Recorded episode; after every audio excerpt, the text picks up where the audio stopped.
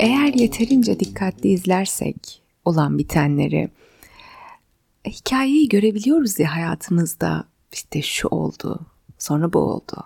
Şöyle düşündüm, sonra buna karar verdim diye. Böyle bazı akışlar yaşanıyor. Eğer ki o an yeterince dikkatliysek bunu fark ediyoruz. Bazen sonrasında fark ediyoruz. Bazen de bazı köşeden dönüşlerimizi, o yolun bitip bir yolun açılışını fark edemiyoruz. Öyle yaşanıp geçmiş oluyor. Şimdi benim için değişik bir şey oldu bu hafta ee, ve çok heyecanlıyım. Şu anda e, gece saat 10 sularında oturmuş loş ışıkta camdan dışarı bakarak mikrofona konuşabildiğim için e, çok sıra dışı bir şey. Yani gerçekten e, sürekli ışık karşısında saç makyaj yapılmış işte düzgün saatte düzgün düzgün düzgünlük dolu bir video çekme gayesinde olan ben e, şu anda pijamalarım üstümde böyle gecenin keyfinde sadece anlatmak istediklerimi anlatmak için oturdum. Bu hafta e, beni yoran şeyler oldu. Yani hafta sonundan gelen böyle bir yorgunluk halinin devam edişi var. Yoğun bir hafta sonuydu. Beni bedensel olarak yordu. Öyle olduğu için yeterince dinlenemediğim için bunun zihinsel yansımaları da hala devam ediyor. Böyle üzerimde bir tatsızlık. Yani her şeyi salmak, salmak, hiç tutmamak isteği var. Böyle günler bana hep e, podcastle veya sesli kitapla sarmalanma ihtiyacı yaratır. Yani hep böyle bir şeyler açıp dinleyesim geliyor böyle zamanlarda. Sadece dinlemenin içinde olan bir şey var. İzlemede olmayan, okumada olmayan başka bir şey var. Belki o sesin kendisiyle baş başa sessizlikle bakışmasından gelen bir samimiyet. Asla başka şeyde olmayan bir lezzet var. Yaklaşık bir yıldır her yorgun ve hiçbir şey isteğim yok dediğim anlarda bu sıcacık samimiyete ben çekiliyorum.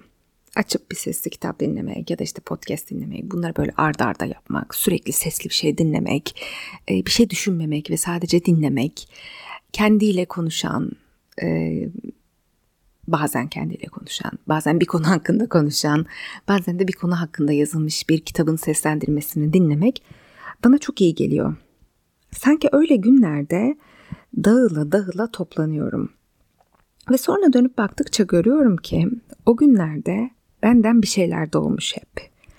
O doğum çığlığı öncesi sessizlikte, o sancılarımda, o yorgunluğumda beni bekleyen mucizevi bir doğum var.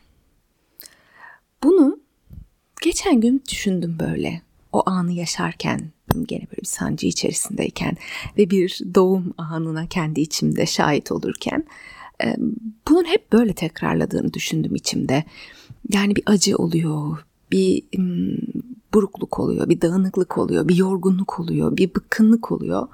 Yani hep böyle hayat dümdüz, neşeli, muhteşem, mutlu gitmiyor. Yani böyle anlar da yaşıyorum ben. O iniş anlarımda da o acının içerisinden bir doğum oluyor.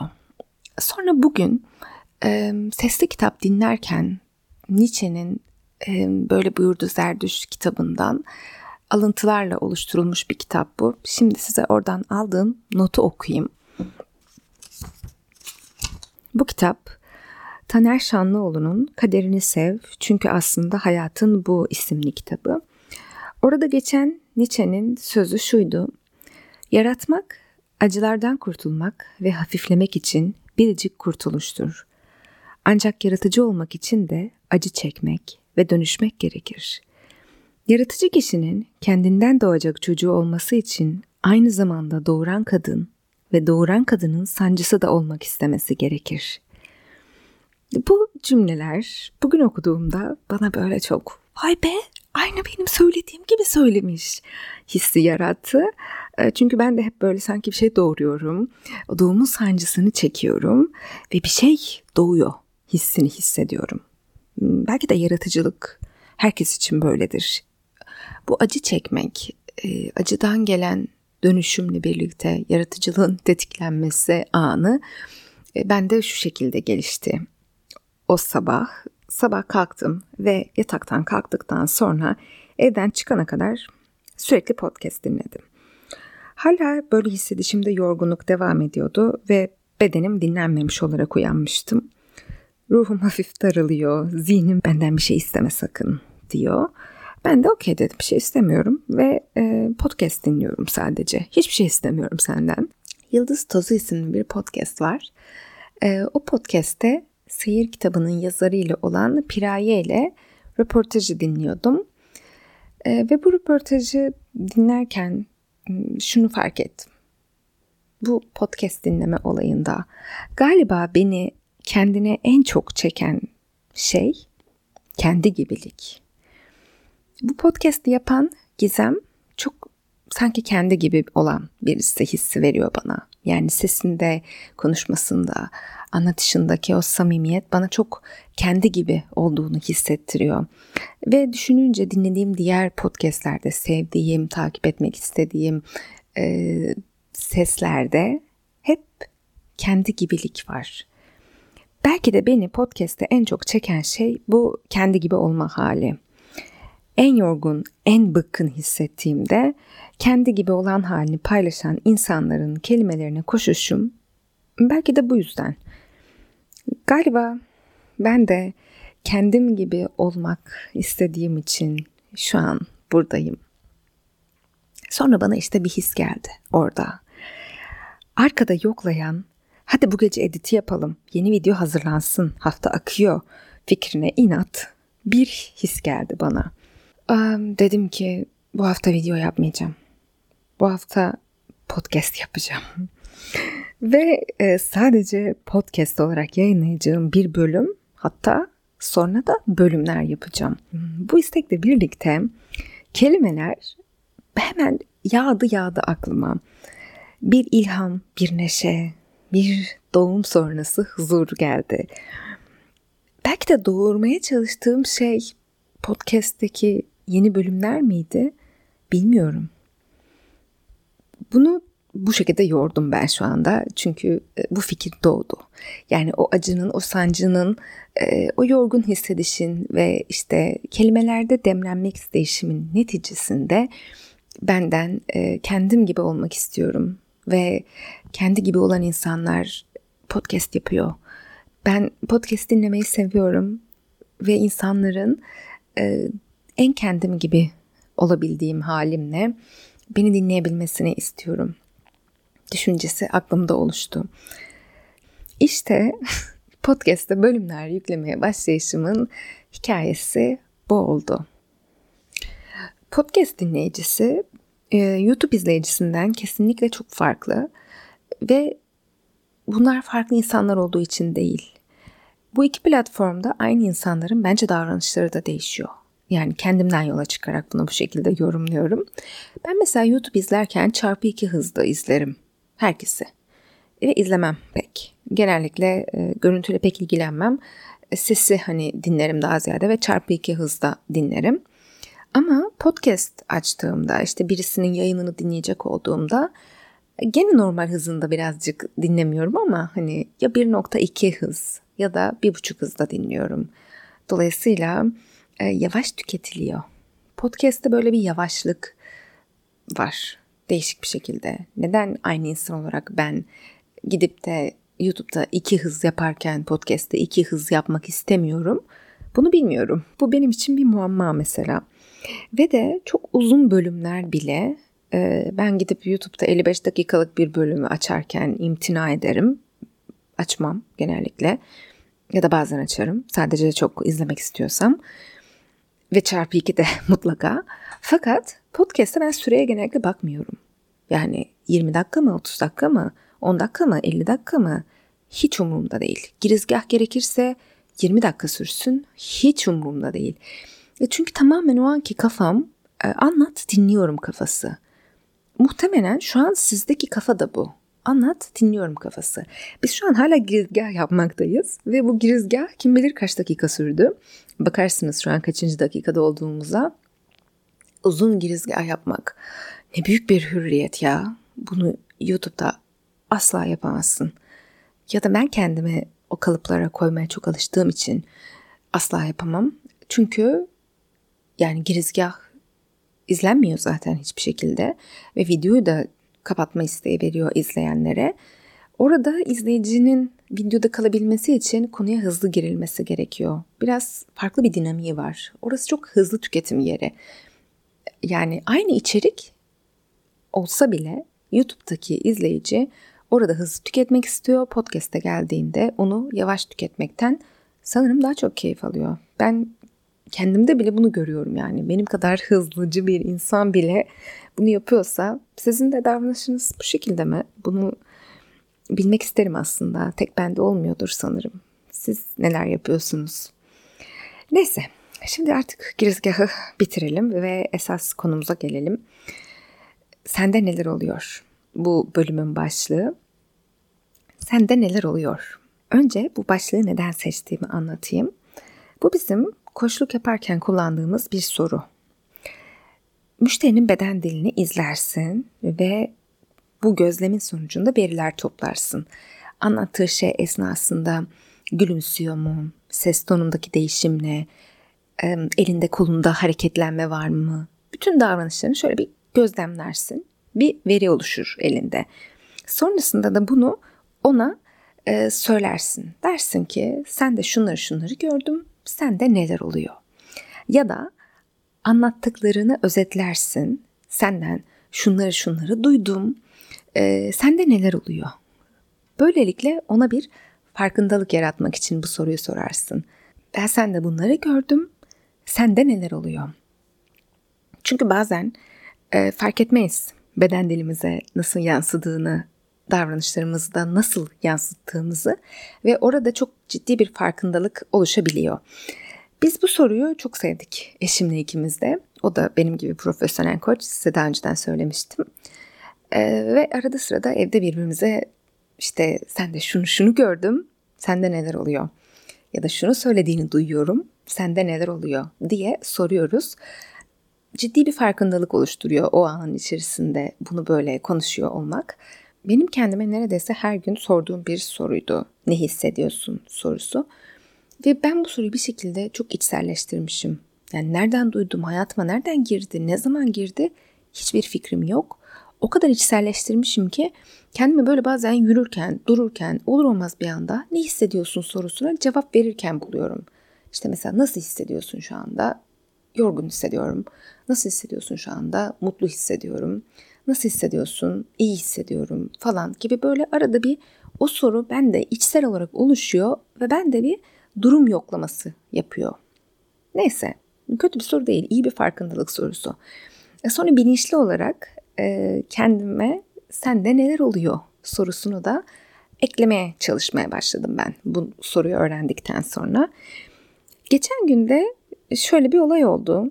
Ben çok acelem var ve koştur koştur yürüdüğüm bir günümdeyim. Bayağı da böyle koşturduğum, hani ciddi anlamda hızlı yürüdüğüm, neredeyse kanter içinde kaldığım öyle acele bir anımdayım. Sonra bir an bana bir farkındalık geldi. Dedim ki kendime, Nefesin kesik kesik. Şu an düzgün nefes alamıyorsun. E, beyin strese girdiğini nefesten direkt anlıyor. Yani beyin nefesi çok iyi bir şekilde kontrol eder ve nefesin kesik kesikse beyin o an stresli olduğunu fark eder mutlaka. Bunu da bildiğim için kendime dedim ki e, şu an strese girdin nefesini düzenleyelim. 4-8 nefesine geç diye kendime direktifi verdim. Ve hemen İçimdeki ses isyan etti. Dedi ki nasıl 4-8 yapayım? 8 saniyede nefesimi nasıl verebilirim? Saçmalama. Görmüyor musun? Nefesim zaten yetmiyor ki. Kesik kesik alıyorum. Bir de verene kadar 8'i bekleyemem. Yetmez yani. Hani 6'da tekrar alasım gelir. 8'e kadar dayanamam düşüncesi oluştu içimde. Ben de dedim ki olsun dene.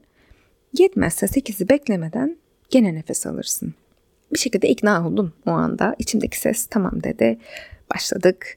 Dörde kadar sayarak nefesimi aldım. Yürüme hızımda bu esnada hiçbir değişiklik yok bu arada. Sekize kadar sayarak verdim. Aa oluyormuş diye bir böyle şaşkınlık anı oldu ve bir heyecanla vay be hadi bir kez daha yapalım oldum. Sonra bir his geldi. İkinci nefesi de böyle yaptıktan sonra. Valla abartmıyorum. Sadece iki nefes. Sakinlik hissi. Yürüme hızım hiç değişmedi. Hiç düşmedi bu arada. Sadece nefesim değişti. Hala acelem var. Değişen tek şey benim o anın içindeki deneyimim. Etrafı görmeye başladım. Yolu, dükkanları, binaları. Böyle bir keyif geldi. O acelenin içinde yavaşlamanın huzuru geldi. Hızım hiç düşmeden de sakin olabileceğimin farkındalığı geldi. Bende neler oluyoru görebildiğimin şükrü geldi. İyi ki fark ettim ve iyi ki yakalayabildim. İyi ki biliyorum beynimin kesik nefesi stres olarak algıladığını ve nefesi düzelttiğim an deneyimin değişeceğini. O acele yürüyüşün içinde bir sürü iyi ki oluştu. Ve hemen içimde bunu birilerine anlatmalıyım. Elbette gün içinde böyle yoğunluk yaşarken, daralmışken, bunu fark ettiğinde çok iyi hissedecek insanlar vardır. Bunu hemen bir videoya koyayım hissi geldi. Evet bunu ben yaşayalı iki hafta falan oldu sanırım. Yani hiçbir şekilde bir video konusunun içine entegre edemedim. Anlatılacak hikayeler köşesinde zihnimin bir kenarında duruyor. Bu ve bunun gibi küçük detaylar orada saklı vaziyette duruyorlar. Sonra podcast yapayım ben ihtiyacı içimde uyanınca bu hikaye ve daha bir sürü anahtar kelimeye oturtulamayacak, algoritmada kaybolacak ve bu yüzden anlatılmayan hikayeyi zihnim tozlu çekmecelerden al bak bunlar da var, al bak bunlar da var diyerek önüme serdi. Bir noktada e, YouTube'da içerik üretmenin böyle kısıtlayıcı bir yanı var.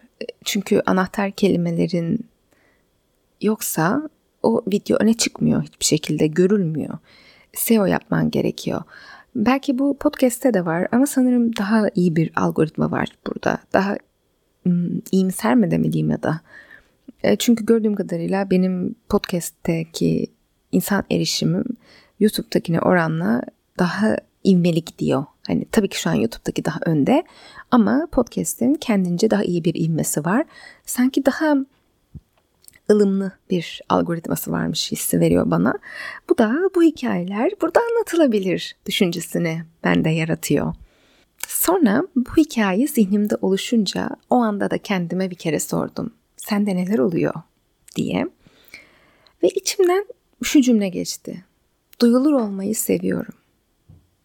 Benim söyleyecek kelimelerim var.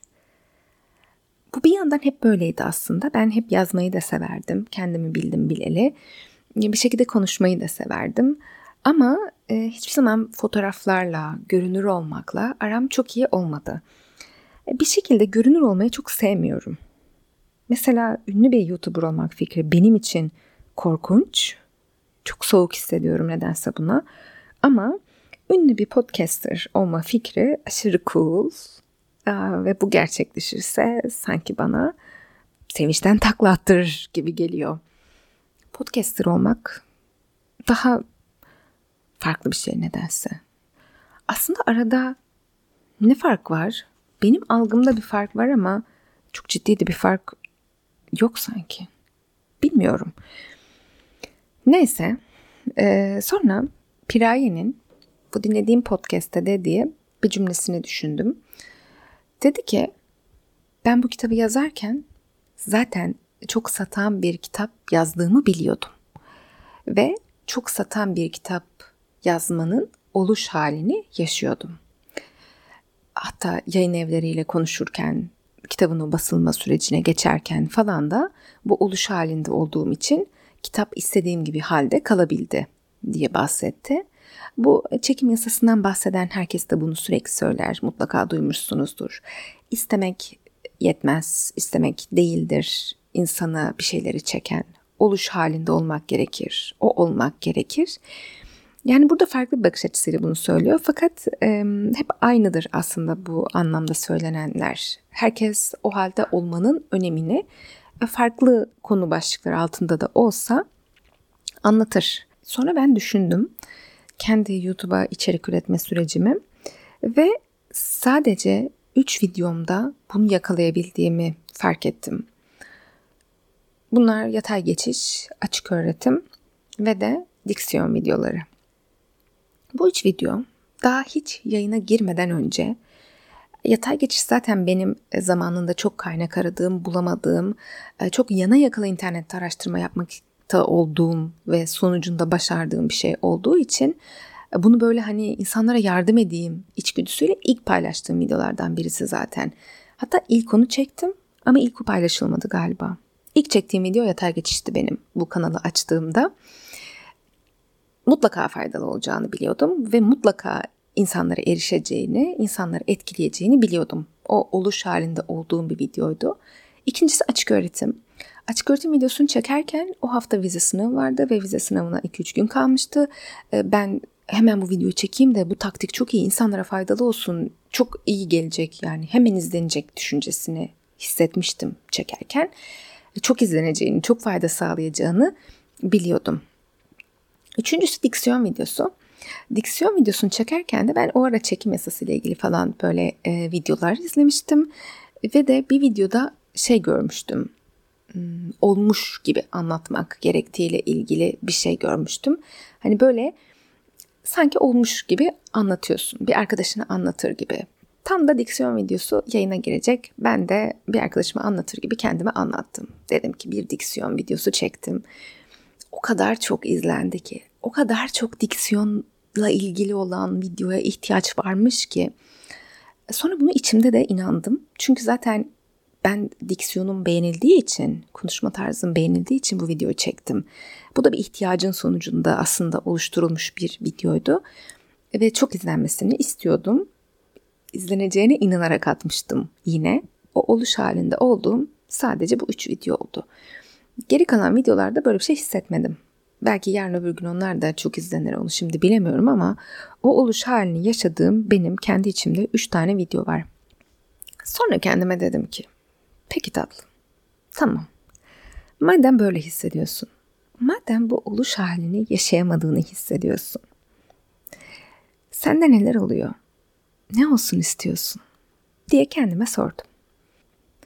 Ve içimden kendimi podcaster, podcast içerik üreticisi, podcast yapan birisi olmanın çok sıcak olduğuna dair böyle bana keyif verdiğini ve ve evet çok dinlensin istiyorum çünkü kendi gibi olarak anlatıyorum. Çünkü samimi bir tondan anlatıyorum.